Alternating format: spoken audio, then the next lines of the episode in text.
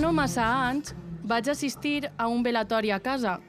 Fou una mort tranquil·la, esperada, de les que arriben després d'una llarga malaltia, al llit i en companyia.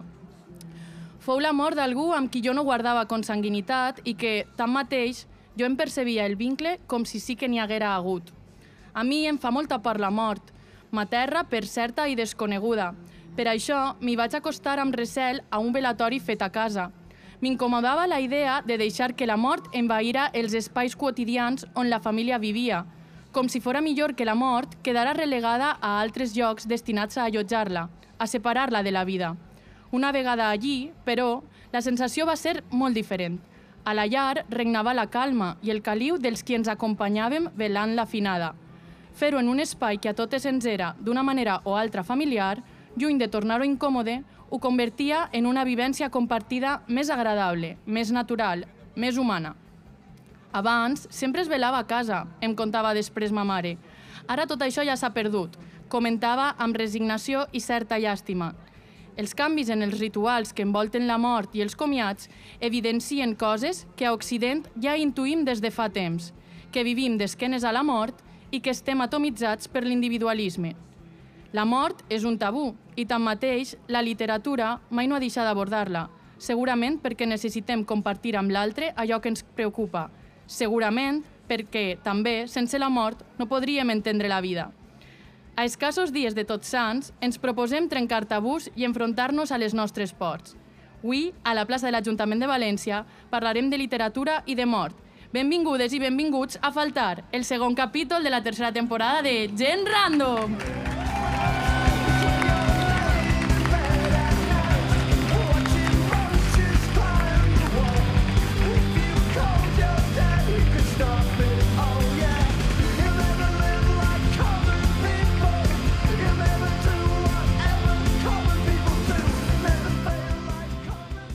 bon dia a tots i a totes. Bon dia a Eh, tots i a totes. Bueno, sí. ja, hem provat molt i no, sé si, i no sé si se m'escolta. Sí, Sí, no? no? Vale. Eh, gràcies per la vostra assistència, ja ho hem dit abans i ho tornem a, a reiterar. Eh, repetim gravació de podcast a la plaça del Llibre eh, al juny o al maig. Vam anar a Gandia i ara estem així ja a la plaça de l'Ajuntament, a la plaça del País, al Cap i Canal. El rotllet de l'ou, el cogollet del país. I, Molt bé. I abans de, bueno, abans de començar, aprofitem per a presentar-nos, perquè mai ho fem. Nosaltres som Quim Ruiz, Lourdes Frasquet i jo mateix, en Parc Puerto, i avui ens, ens acompanya eh, l'escriptora Núria Bendicho. I som Gent Random, un programa que podeu sentir cada mes en Ràdio Godella. I ens podeu seguir en xarxes, a Instagram arroba somgentrandom i a Twitter arroba gentrandom. Tot això que parlem avui queda gravat i se podreu, se podreu reescoltar. Eh, tornem als directes després d'uns quants mesos. L'última vegada va ser en ta casa, Quim, en el maset de Vilafamés. Sí, que va acabar ahí de manera festiva. Eixe dia vam estar una miqueta trapelletes, eh, ens vam a- clavar amb absolutament tot el món. Sí. O sigui, pensava que vindria avui Vicent Baidal i li podríem tornar a dir alguna però resulta que estem contraprogramant la plec del Puig. Ah, O sigui, hòstia, ¿en és veritat, darrer diumenge d'octubre. Ens Vaya. lleven el carnet de valenciania Sí. avui. Uau. Però aprofite per agrair-li perquè després del directe mos, van, no mos va regalar un muntó de llibres de cuina i, i bueno, estem molt agraïts, gràcies, Vicent. Ah, Avui és el darrer diumenge d'octubre, Sí. sí. clar. Res, avui no estarem tan trapelletes com l'última vegada. En aquell moment començava l'estiu, tot era una promesa. Avui hem canviat l'hora. Jo estic fatal de pensar que a les 6 serà de nit. És veritat. O sigui que, Avui bueno, hem creuat un umbral. eh, res, serà una miqueta més solemne tot. I anem O a sigui, apropar-nos cap a Tots Sants, hauria de fer fred, hauríem d'estar menjant castanyes, hauríem d'estrenar abric, perquè que no estrenen per Tots Sants no estrenen tot l'any, que diuen. Però s'acaba el món. S'acaba el món, estem en emergència climàtica, sí, no passa però anem a res. intentar en este programa clavar-nos un poc en el mood ja tardoril, el mood eh, més de recolliment, de tancar-nos a casa, a passar les llargues vesprades fosques davant del foc i a parlar d'un tema, que, pues, com ha dit Lourdes, universal, molt abordat en la literatura, Vale. que és la mort. I avui, per parlar de la mort, tenim a... Núria ben dicho, que ja ho hem dit. Com estàs, Núria? Molt bé, vosaltres? Bé, i Bé. avant, sí. Molt bé. Núria ha vingut eh, des de Banyoles fins així en un dia, o sigui que bé. Sí, gràcies, Núria, per vindre, per Oh, acompanyar-nos en este rato. Eh, Sí. Bé, per qui hagi acabat de caure així per casualitat, em, em costa de creure que tots vingueu a propòsit. O sigui, és que hi ha molta gent. eh, perquè no teníeu pont o no ha pegat a fugir de la ciutat, passejant, passejant heu acabat així, heu vingut a acompanyar algú, no sabeu molt bé a què esteu. Eh, vos explico un poquet de què va Terres Mortes, que és la novel·la de Núria i és el llibre del qual parlarem avui. Eh, Terres... Un moment, abans de que ho digues, he de remarcar perquè este llibre té una faixa molt grossa ja que ha anat creixent conforme anaven edicions rere edicions. Ja va per la cinquena, pense. I la, fa la faixa diu pues, que eh, va ser el llibre català del 2021 segons La Vanguardia, finalista del Premi Òmnium a la millor novel·la de l'any, finalista del Premi Finestres de Narrativa, amb un to de recomanacions. Vull dir, és un llibre ja que està molt consolidat i que ha tingut mm, recorregut i, i èxit. I ja, Lourdes, Sí. sí eh, anagrama, que ens passe comissió, perquè sempre parlem de llibres d'anagrama, aprofite per dir-ho. I ja centrant en la sinopsi, eh, Terres Mortes comença amb una mort, amb la mort de Joan, i en aquest moment poc més en sabem, eh, no sabem ni qui l'ha mort ni per què. I a partir d'ahir se succeeixen una sèrie de veus narratives diferents en forma de capítols que ens van apropant a la resolució d'aquestes incògnites. Aixina és. Entre cometes, resolució, no? diem que també no, la, la mort del Joan diem que és en un context familiar, en una, saga, en una nissaga familiar també, per a intentar com eh, el cercle, intentar com tancar-lo més, no?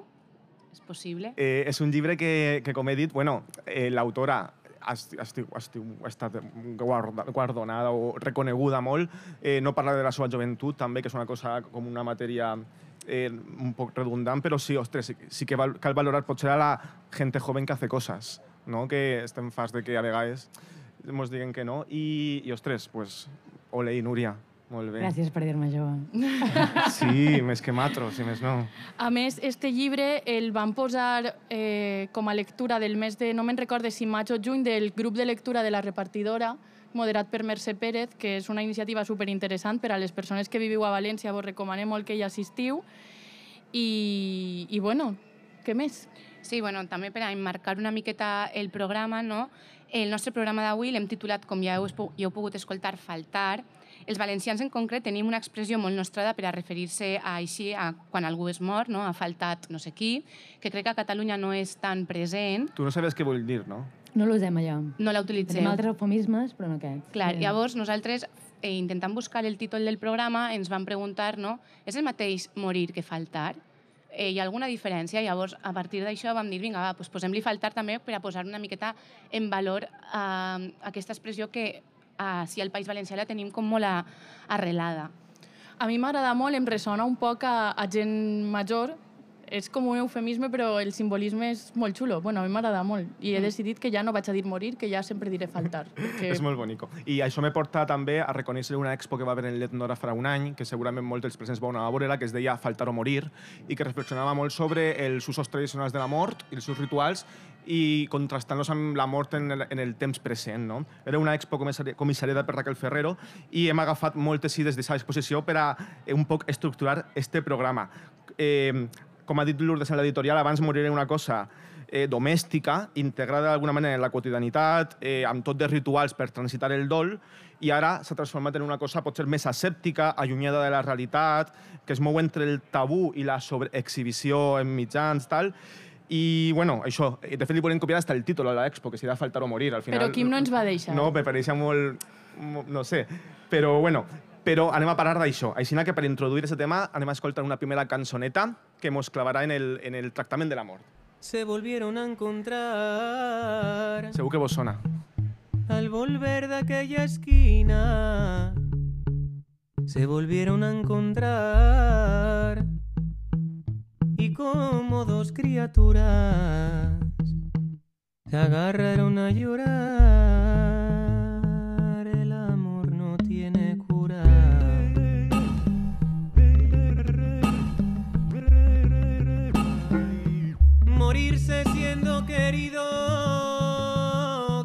Hermoso sería morirse, morirse siendo querido, pero qué amarga es la muerte, cuando la muerte es olvido, qué hermoso sería morirse.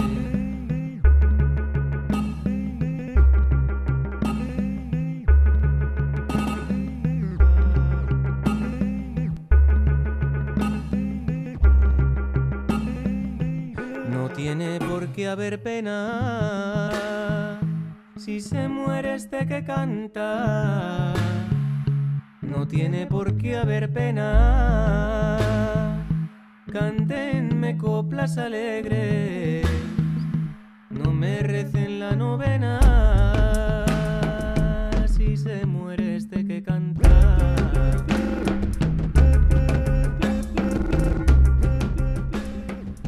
La coneixeu? Sonava Muerte en Motilleja de el meu estimat i adorat Rodrigo Cuevas. Per favor, l'home més sexy del món. Eh, I en esta cançó es parla de velatoris, es parla de, de, de la por a l'oblit, es parla de plorar en col·lectiu, després venen uns versos que diuen cuando me muera enterradme en un prado verde donde paste mi ganau. I tot això, ostres, és una mort tan diferent a la que sovint tenim en el present, no? Tornant al tema del programa, què diferent, la, què diferent se moria abans respecte a com se mor ara. Eh, en aquella expo que he citat se parlava d'aquesta penombra respectuosa de la casa tradicional, els espills tapats com a signe de respecte, la mortalla cosida amb paciència per alguna abuela, contraposat a la llum artificiosa dels fluorescents dels tanatoris, al vidre i entre el viu i el mort, a l'amor maquillada per la tanatopràxia, eh, en fi, i a vegades tots aquests rituals els relacionem amb el món rural, amb els nostres pobles, no? L'altre dia parlàvem de com s'anunciava, per exemple, la, gent, la mort d'algú en un poble. Jo, els anys que vaig viure a València, no m'enterava de, de com moria la gent. Tu t'enteres, Núria, quan se mor algú del teu poble? Um, jo és que no visc a cap poble. Bueno. Visc al mig de la muntanya. Sola. Però eres de Barcelona, ta? De Barcelona, sí. Allà a Barna... no és que t'enteres. Soc de Sants, no soc de Barcelona, soc d'un Ah, barri. vale. Ja hi ha comunitat, hi ha xarxa, vull dir que sí, que ens fem companyia. Mm. No visc a Barcelona com una mònada sola, individual. A Vilafamés ho anuncien per WhatsApp, quan se mor algú. No, allà no, diuen ja, tot és que això. la, ja. A Sí. Gandia per la ràdio, eh? Ràdio Gandia. Tin, tin, tin, tin. Bueno, Jo crec que l'única manera que l'he vista és... he escoltat la mort és per les campanes, que tenen un, un tocar diferent, més lent. I Sí. si és dona o és home és diferent. Sí. Això ja no... Ja, tan... Com els naixements. Això ho diu Sender a una novel·la, bueno, que diu no és nena, que és nen, no és nena, Mm. Sí, que és muy nena. bien, Ah, exacte. vale. Ah, i fa, és com Les sonor. campanes, és sonor, Sí. però a través de la paraula. Ah, Ah, hòstia, uau. que guai. Mm. Sí. Tu, no sé, Núria, tu com penses que se viu la mort en les societats actuals, presents? Bé, jo, jo crec que, que, bueno, que una cosa que no s'ha comentat és l'ateisme no? present. Vull dir, la, la, el temor a que no hi hagi res més enllà i, per tant, la mort fa, fa terror perquè consideres que deixes d'existir de cop i volta. No? La nostra vida ja no, té, ja no té un sentit, sinó que el sentit és la mateixa vivència del dia a dia, no? i per tant som molt més materialistes, hi ha els calés per mig, grans empreses no? que absorbeixen um, els teus calés per convertir la mort i, i des, d'alguna manera doncs, alienar-la, no? o sigui, treure-li el valor de, de ritual no? I, de, i de pas cap a un lloc no? ulterior per, per mera, mera mercaderia. No? Mm, sí. Heu llegit la novel·la de la Núria? No et poses en plan profe, Quim. No, per però vull dir, passem llista. m'agradaria saber fins a quin punt fent spoilers, no sé. Ah, però al seu el braç és que l'ho he llegida. Més alt. Bueno, intentaré fer-vos vindre ganes d'anar corrent a buscar-la, d'acord? Eh, és una novel·la plena de morts. La mort està molt present a Terres Mortes. Anirem parlant-ne. N'hi ha morts violentes, morts traumàtiques, colpidores... N'hi ha un moment que em va agradar molt, Núria, eh, que era quan el capítol que parla el Joan, perquè cada capítol és un dels personatges, és com una novel·la molt coral d'estes. I quan parla el Joan, que és la persona assassinada, el fill assassinat en el primer capítol, això no és cap spoiler, eh, fas un exercici com de realisme màgic, en plan Irene Solà, no sé què, i fas parlar del cadàver. I el cadàver, que està enterrat en una espècie de caixa de galliner que han trobat allà pel FEM, Això sí que és un spoiler, eh? Sí. Bueno, però... Això passa molt pront en la novel·la. Vale? sí. Bueno, està entrat en una espècie de caixa forats, tal, i llavors li cau la terra a la cara.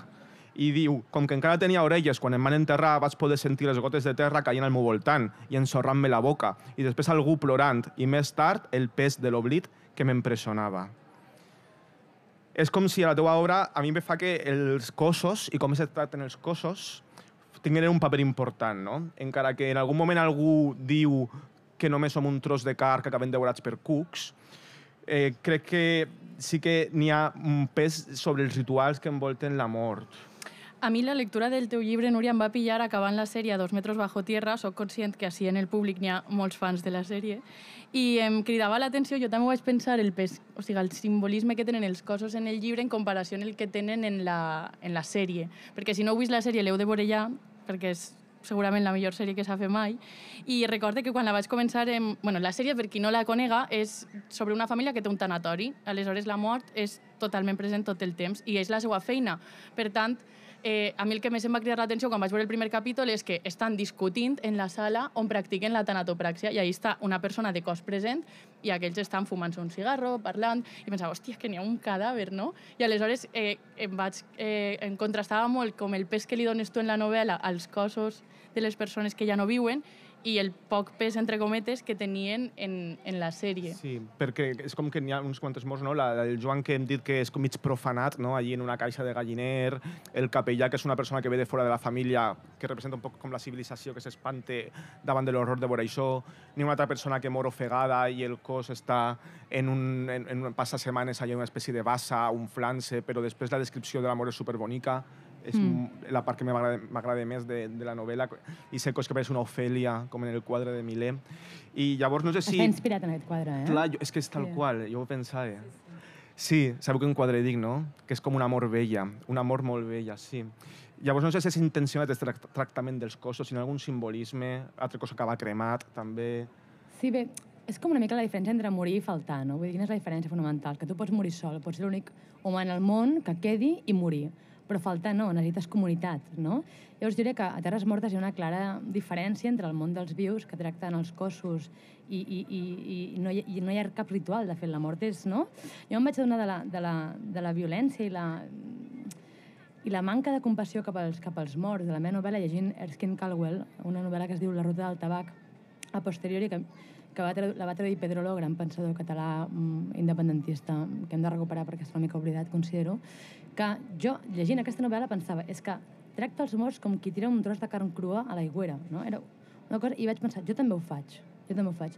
Però, en canvi, quan, quan apareix a Joan, no?, i parla des de la mort, és l'únic que té ànima a la novel·la. L'únic que té ànima i l'únic que se'n va i que la seva ànima roman més enllà del cos, que en el món dels vius és un tros de carn, no? perquè els justos se'n van al cel. I realment, a la meva novel·la, l'únic just és el Joan, i, i, i, no? I, i és així. L'únic qui té moral i qui està ferrat a la moralitat és el Joan. I tenia sentit que fos l'únic que parlés des de la mort, no? Sí, eh, perquè el Joan, diguem, que no s'ha sabut adaptar a l'entorn. Que no s'ha sabut adaptar a l'entorn, al, al seu entorn, no? Llavors és una mica mm. com... Per això, en, en algun moment el, el Tomàs, que és el germà, i no diré més, eh, diu, el Joan no, no ens ha entès, no ens ha entès, i ja, per això d'alguna manera havíem de fer desaparèixer perquè patiria. És com que el Tomàs li fa un favor.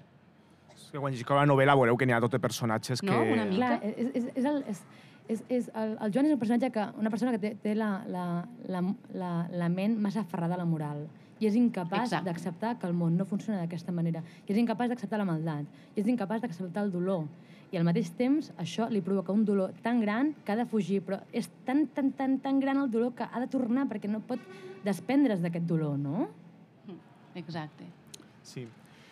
Eh, una cosa de la que vull parlar és de que, del lloc on situes la novel·la perquè no està molt clar, l'època entens que és una època antiga, altres parlant dient, pues està ambientada a finals del segle XIX o principis del segle XX, per ahí, en un àmbit rural, una masia, eh, prop d'un poble, no? la família viu allà en el mas, com apartats de la civilització, no els agrada massa baixar al poble, els únics que pugen des del poble com el capellà s'espanten, no? pensen, viuen com en la barbàrie.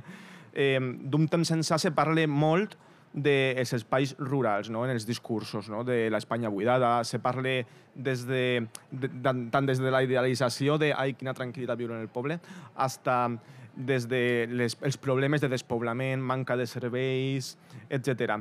Eh, tu, eh, el, el món rural que representes en el teu llibre és un món rural opressiu, un món rural grotesc, eh, lluny de qualsevol tipus d'idealització, amb personatges que estan lligats al seu destí del qual no podem fugir. Jo quan precisament els personatges, que són una corba que a mi me recordava molt a les pintures negres de Goya, les heu vist? que són així com grotesques. Jo pensava molt en aquestes, s'imaginem un poc així mig deformes, inclús mig bèsties, per civilitzar, com diu el capellà quan puja, no? No sé si, clar, suposo que és una visió no del món rural en general, sinó d'una família concreta que viu allí, però, ostres, no sé si pots parlar-nos un poc del, de com has volgut contar aquest espai rural. Sí, jo realment l'espai rural el vaig adquirir a partir de les lectures que jo duc a l'esquena. Era el meu, el meu món simbòlic, no? La mort i la primavera de Rodoreda, Víctor Català, Prudència Bertrana, William Faulkner... Era, era un acte natural, no, no, no em vaig plantejar fer ciutat perquè, perquè les, les novel·les amb les que jo havia après a escriure i a llegir no, no tenien aquest, aquest simbolisme, no? Ara bé, um, no és que jo vulgui representar el món rural d'aquesta manera, sinó que jo tinc una concepció hostil de la naturalesa humana. O sigui, jo considero que hi ha molta maldat en el món i, per tant, um, i a més a més, crec que crec que, que on molta gent hi veu bondat, jo hi acostumo a veure maldat i actes probablement inconscients de molta gent que fa mal i no se n'adona. Llavors, per mi era important um, rescatar no, a, a, aquesta, aquesta idea i aquest ideal que tinc, aquesta visió de, de, de l'existència humana i, i portar-la aquí, però no era per...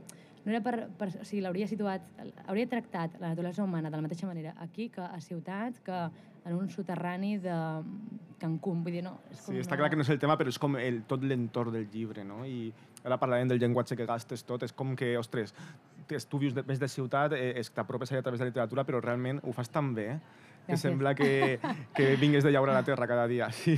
Vull dir, sembla que, és, que, que estigues allí. perquè l'he llaurat, no? Vull dir, he llegit molt Solà i, i, i, jo, jo, jo, jo ho he vist, ho he viscut, o sigui, no? La, les, els meus llibres és, és el meu, la meva experiència vital, també.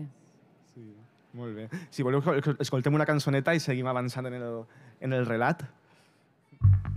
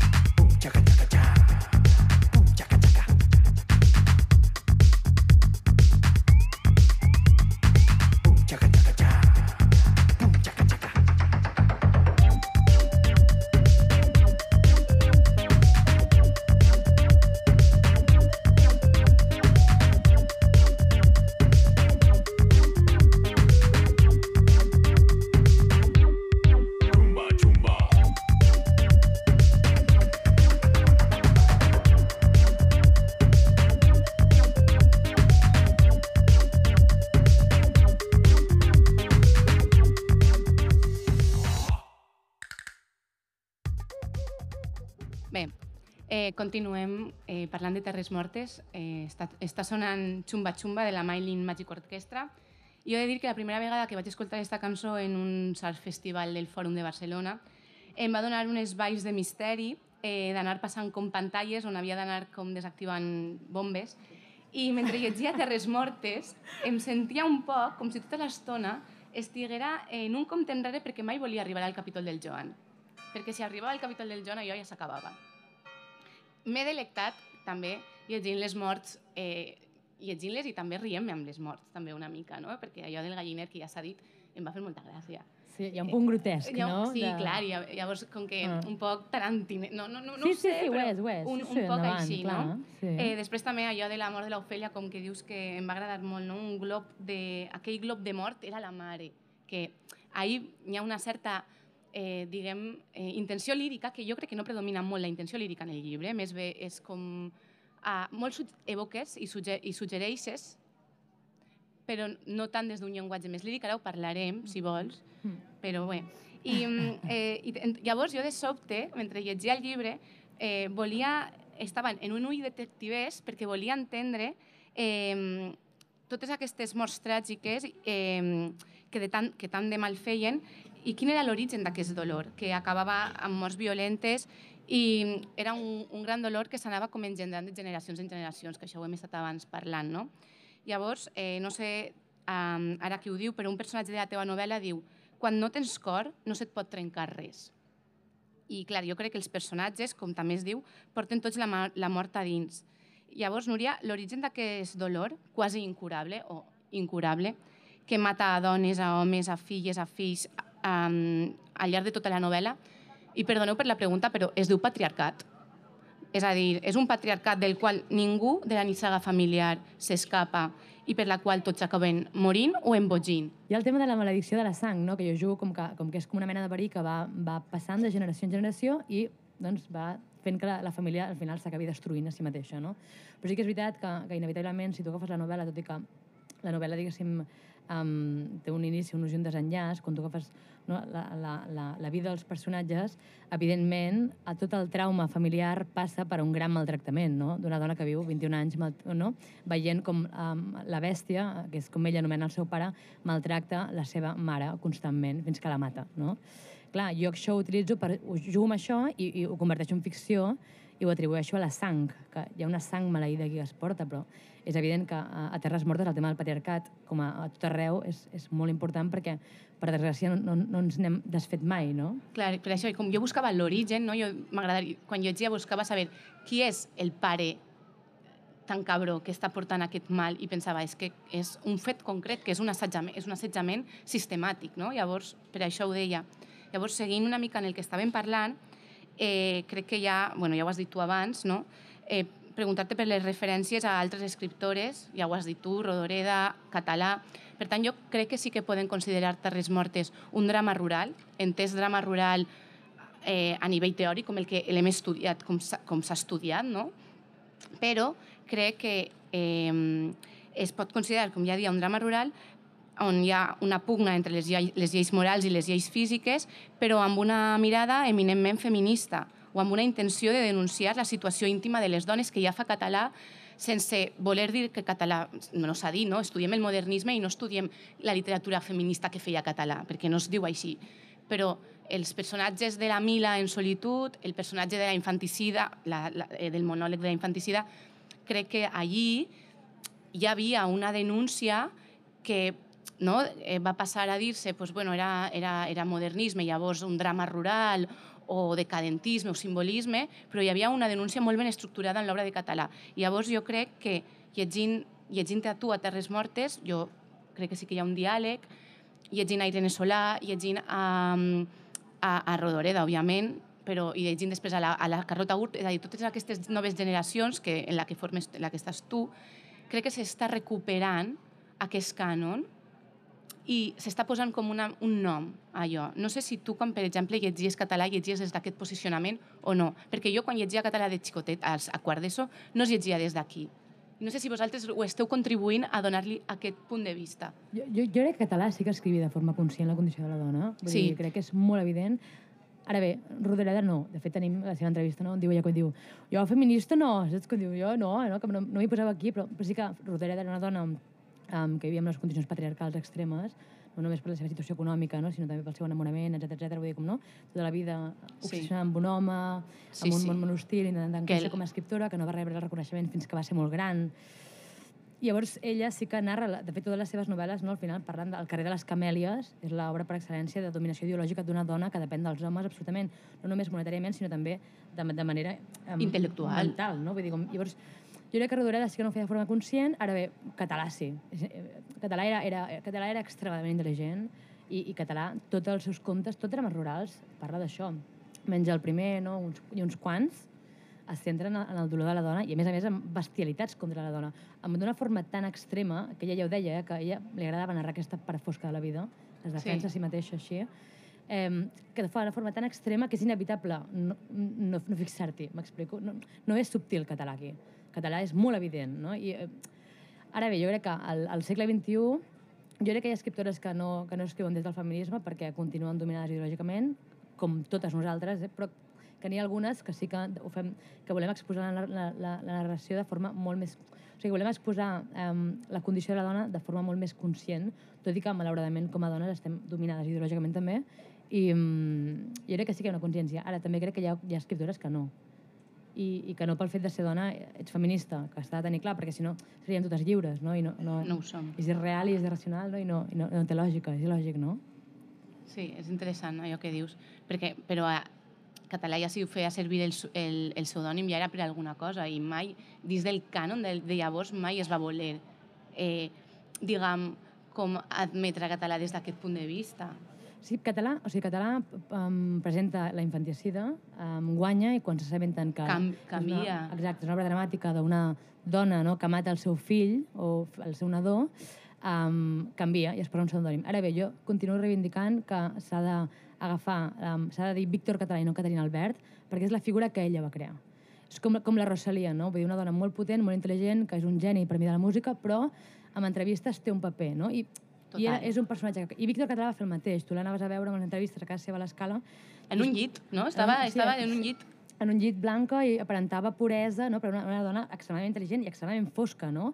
I en canvi és tot un personatge que ella va muntar que és una creació en si mateixa, no? que crec que això ho diu la Mita Casa Coberta, que és la gran estudiosa que tenim aquí en el, en el país um, català de, de català, no? Mm. Sí. Sí, bueno, seguint també una mica amb la part fosca amb, eh, de, del cor que deia català, que es fixava el que has dit tu, no? en, en la part fosca aquesta, eh, m'ha semblat interessant els personatges del nen i de l'Esteve, que són personatges que es, que es llibren de la mort, no moren, i que d'alguna manera corresponen a aquella gent dels llims, aquells nens de, nans de Velázquez o aquells personatges de Goya foscos dels que tu parlaves. Sí. sí. I els dos són personatges nafrats. Al nen li falta un braç i no s'ha pogut desenvolupar bé, i No té ni nom, de fet, se diu el nen. El nen, no això li posem nom perquè ni es deforme. Això és, les abstraccions també són molt típiques del modernisme. La dama, la, és com també... Bueno. I els dos són, eh, diguem que... Eh, i, bueno, I l'Esteve no? és com una mena de, de nen gran, però que amb un cos d'homenot, que va ploriquejant per ahir, va xuplant sempre com un cullerot, i que ningú se'l pren seriosament. Llavors, aquests dos personatges, juntament amb la Marieta, que per a mi és una rialbós, és a dir, és una, la seva mare es torna boja, la seva àvia, bueno, ja ho sabem, bueno, és un poc la que queda, diguem, eh, malgrat vindre d'on ve, eh, seran els que es convertiran un poc en els jefazos d'aquell casalot. És a dir, aquell casalot es queda la nena, la Marieta, el nen i l'Esteve. Clar, Ja. clar, és que Terres Mortes acaba bé, no? Clar, llavors, és Terres això- Mortes acaba bé, però és que jo vaig venir com perquè sembli que no. Llavors, no? eh, és un poc, jo volia preguntar-te, això, ells són els que redreçaran, és a dir, dos nens eh, eh, nafrats, diguem, i una dona, els que redrecen aquella, aquell destí tràgic, aquell destí predeterminat de la família? Clar, o sigui, al final la metàfora és, per, o sigui, per què aquests són els bons? Perquè són els tarats, els Exacte. que han estat aïllats i per tant no han tingut contacte amb la humanitat, que la humanitat és vista com la corrupció de l'ànima, i per tant, al final, no, només sobreviuran, la bondat només sobreviurà a través d'aquells que s'allunyin de qualsevol comunitat humana. Perquè és un reneixer humà, no? Vull dir que aquesta és la, la gran metàfora de, de, de Terres Mortes. No? Sí. M'encanta perquè és com una comuna queer que acabem muntant allí. Total, el, Els marginals de la societat, la, la dona que patit maltractament, el enano, el... Sí, Totalment, m'estic llegint Matrix, de la Lauren Groft, que és una utopia feminista que parla de, sobre un convent, que hi ha una... Maria de, Maria de França arriba ja a un convent i, bueno, aquell convent és de bé, vaja. I em va recordar un poc com, uau, és que aquesta gent se viene arriba, entre la Marieta i, i els altres, i la Marieta és la, la jefa, o sigui, el capellà l'envia a pastar funk. I diu, Sí, tu què has, de, què has de dir-me a mi? Jo em quedo aquí regnant les meves terres. I em va semblar molt guai. Ja per acabar un poc ja aquesta part i passem a la, a la de Lourdes, l'última pregunta que, que volia fer-te és que hem de parlar de, de la filla de l'alcalde de la Rosa perquè el desig està superpresent en, en, tot, enmig de totes les, de totes les forces destructores. Eh, el desig sexual està molt present. No? L'altre dia, en una entrevista que li feia Andrea Gómez a l'escriptora Sara Torres, ella deia que quan estem més tristos, més vulnerables, en una situació de pèrdua o de dol, és quan els nostres cossos més desitgen. I en Terres Mortes aquest desig el fan explícit en moltes ocasions les dones, però són unes dones insatisfetes, començant per la mare i acabant per la Rosa, la filla de l'alcalde, que diu això, i és un fragment, ¿vale? Diu, quan aquell matí em vaig adonar que les patates començaven a obrir-se i que les havia bullit massa estona, vaig apagar el foc i vaig passar aigua pel marbre per netejar les restes d'amoníac, abans d'aix- d'aixafar-hi les patates i la col per preparar el trinxat. Els nens continuaven jugant a la plaça i jo encara tenia una estona per a mi sola abans de fregir la cansalada. Així que vaig dirigir-me cap al dormitori i em vaig posar de genolls davant del llit i vaig començar a tocar-me. Però quan estava a punt, just a punt de notar com l'orgasme que m'havia anat retardant m'enverinava, l'esperit, algú va trucar a la porta. Llavors, el desig, la, la mort, o sigui, forces opostes allà lluitant i, i, i un desig de la dona, no? Llavors, em, bueno, no sé, parlem-ne. Bueno, és que aquest és un, és un contrahomenatge de la meva obra contra Boris Vian, no? Hi ha una novel·la que és l'Arrencacords, no? que el personatge principal, en Jack Mort, viola una, una altra dona, no? i llavors va recordant la violació després olorant-se els dits, no? que ell li diu amb el sec, del sexe de la dona, no? i ho va recordant orgullós. Doncs jo li vaig fer un contrahomenatge, que era un personatge que es, una dona que es masturba a si mateixa, i més tard es va olorant els dits i no es pot concentrar perquè va recordant el plaer que ha tingut, no? després de tocar-se el cony. Sí, mentre fa totes les tasques domèstiques que li són assignades. No, sí, en la quotidianitat. Ni unes quantes Exacte. escenes així de, de desig femení molt xules en el llibre. Sí. El desig és important. Sí, tot i que vius en un, en un món oscur, molt tràgic, no? I és com aquestes dues forces ahí. Ah, Em M'agrada això. sí. Gràcies.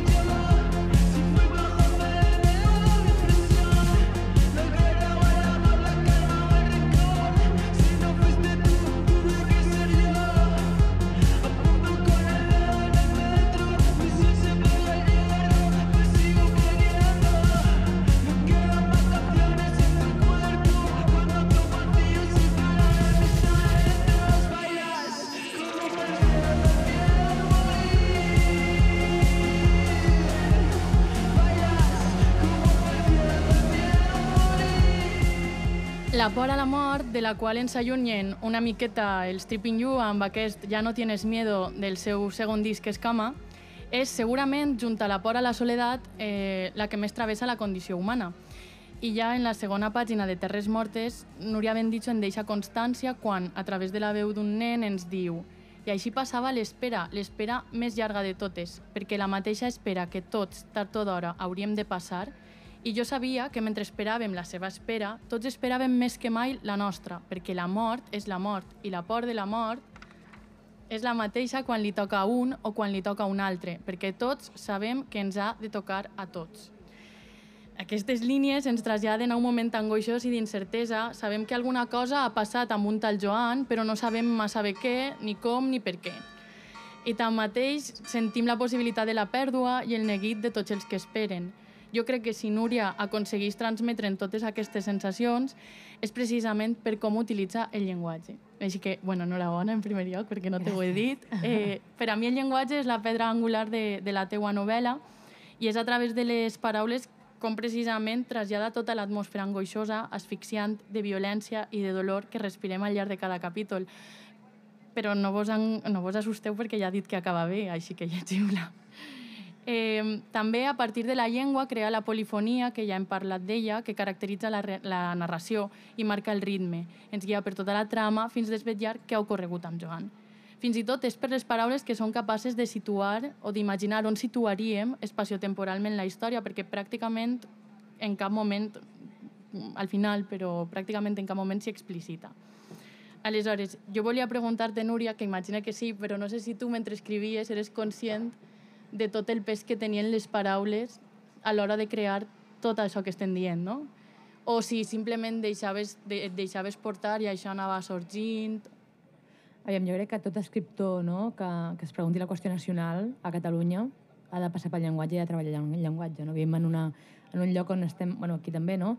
colonitzats constantment pel castellà. Mm, De fet, no? hi ha moltes paraules que hem perdut, que ja no sabem com es diuen en la nostra llengua, que les diem directament al català, però de, o sigui, del castellà, les parlem del castellà, però les hem catalanitzat a través de morfemes nostres, no? però en canvi l'arrel s'ha esfumat.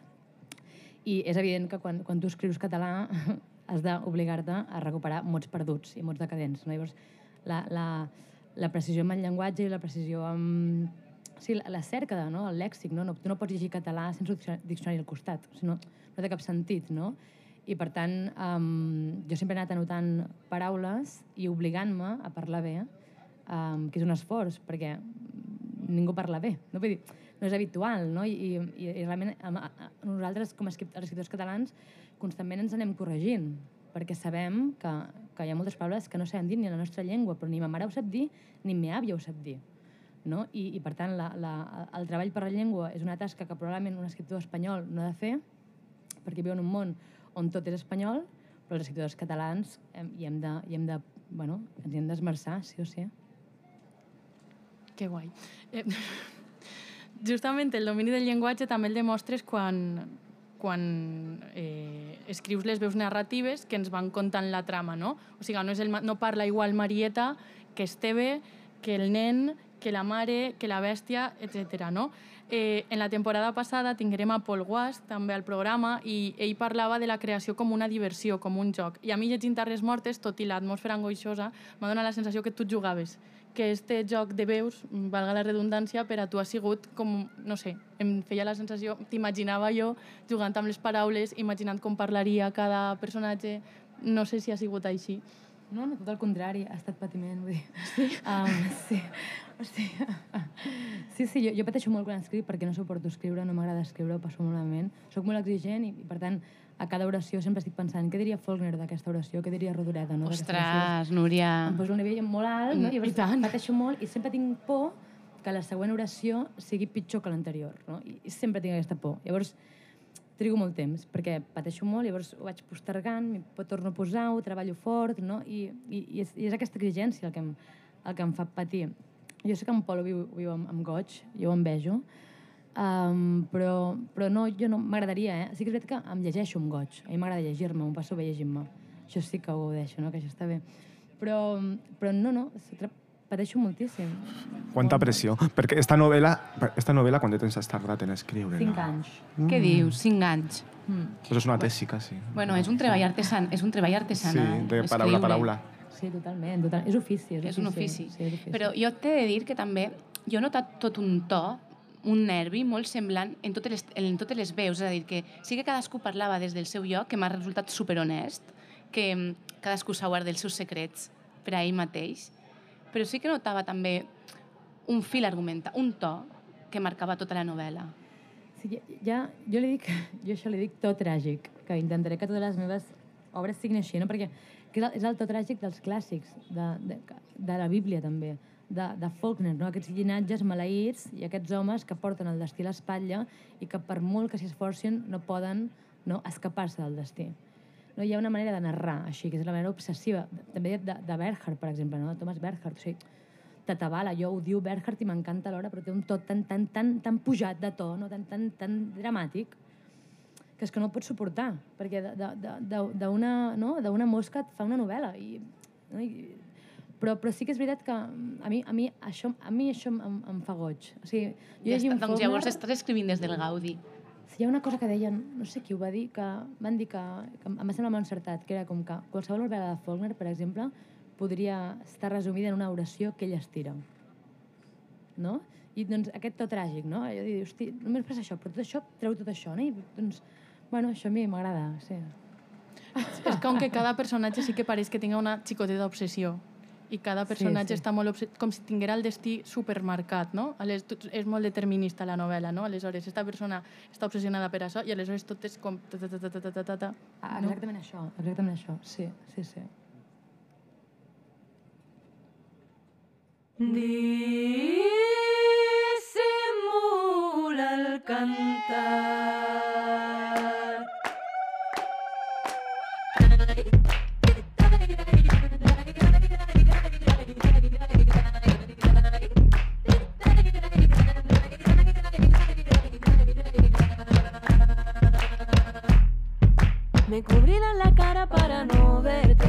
Me taparan la boca para no morder. Ay, si tú supieras lo que yo callé. Ay, si tú supieras cómo hacerlo bien. A ver, muchacho alegre, ¿cómo te diré? Las cosas que no quiero y que tú no ves. Ay, si tú supieras callar y esconder. Ese vicio ahora nadie da placer. Di, disimula.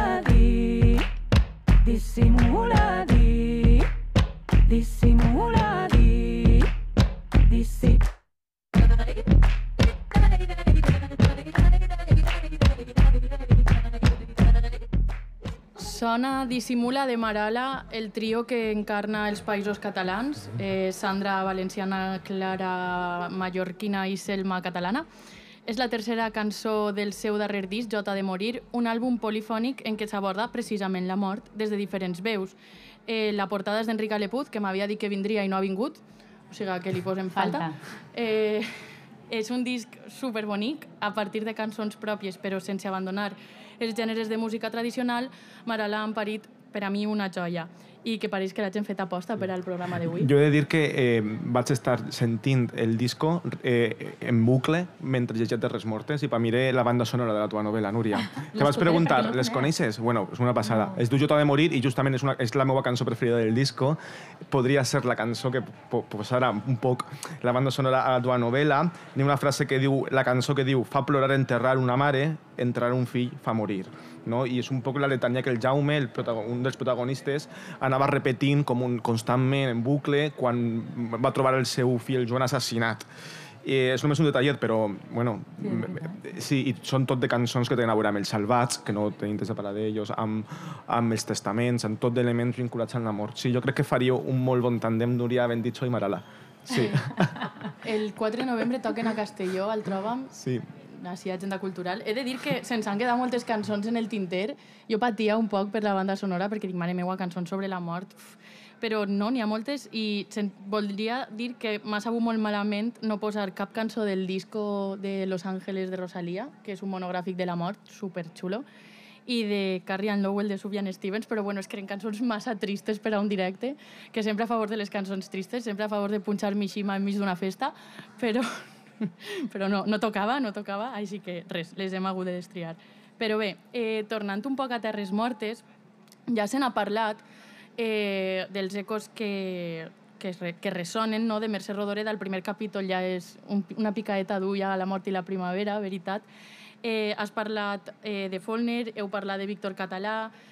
Eh, crec que és una sensació compartida, crec que la crítica ja n'ha parlat, que, que un poc la generació dels 90, s'els- si- vos està- s'està parlant ja de generació dels 90, de la gent de la nostra edat que està escrivint ara en català, que estan fent coses superinteressants. Hem parlat de Pol Guas, que direm sola, parlem de tu, però podem parlar d'Aina Fullana, podem parlar de Laia Vinyas, eh, d'Irene Puigades, bueno, gent que està fent coses molt interessants i jo pense que sí que vos esteu una miqueta reapropiant del cànon. Però jo escoltava un podcast eh, o llegia certes crítiques que deien, com en Serrin Tintin, que les vostres novel·les rodoreditzen, com, com a crítica.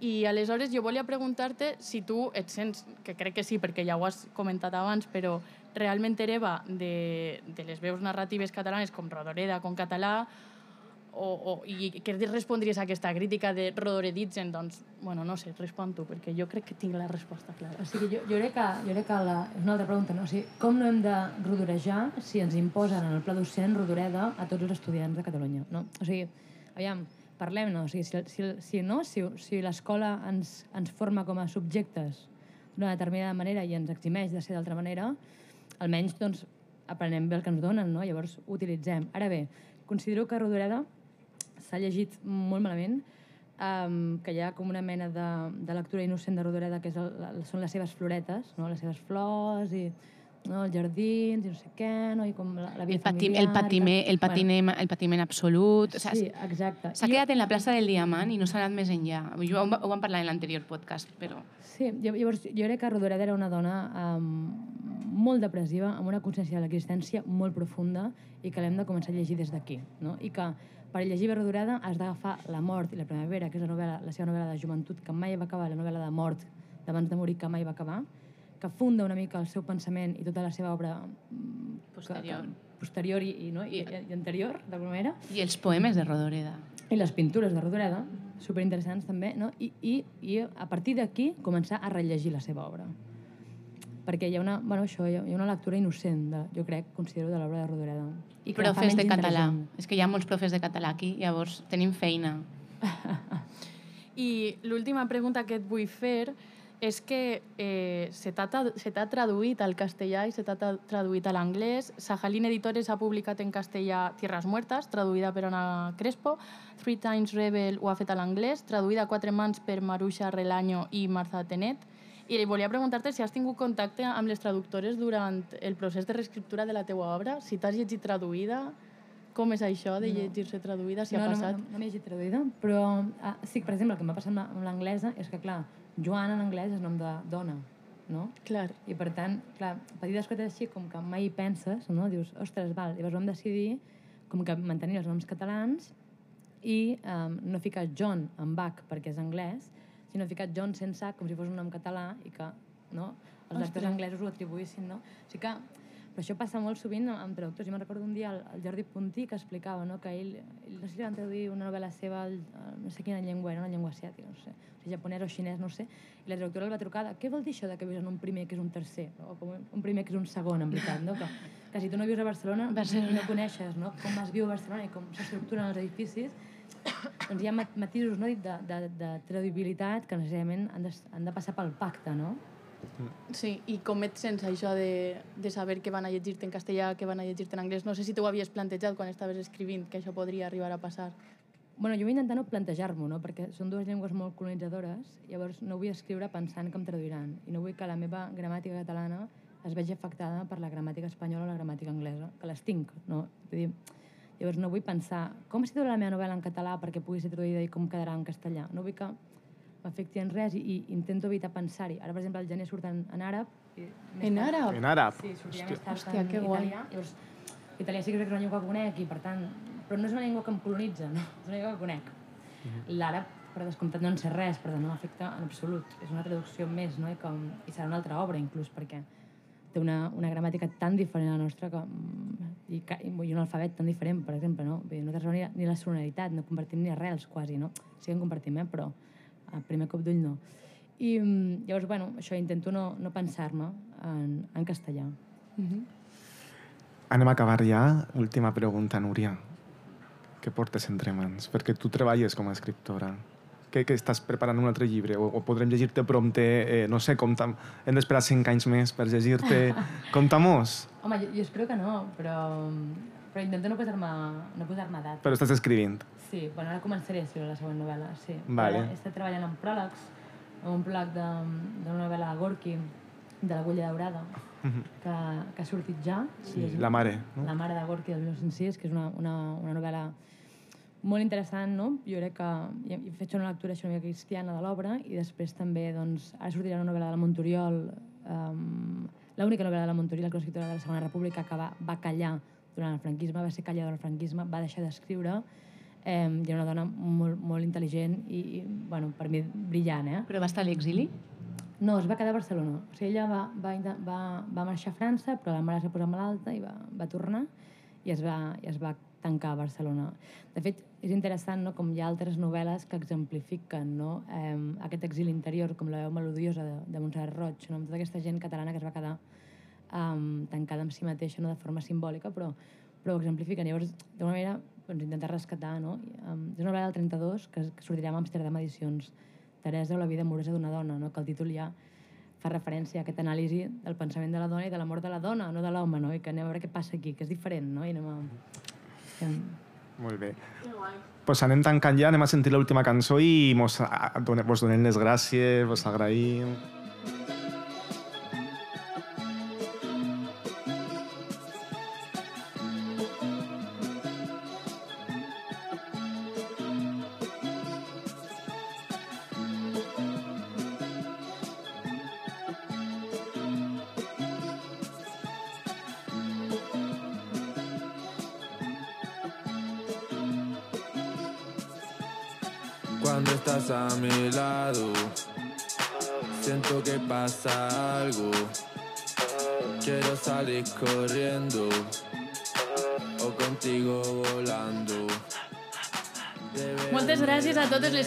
Així fins a la plaça de l'Ajuntament de València.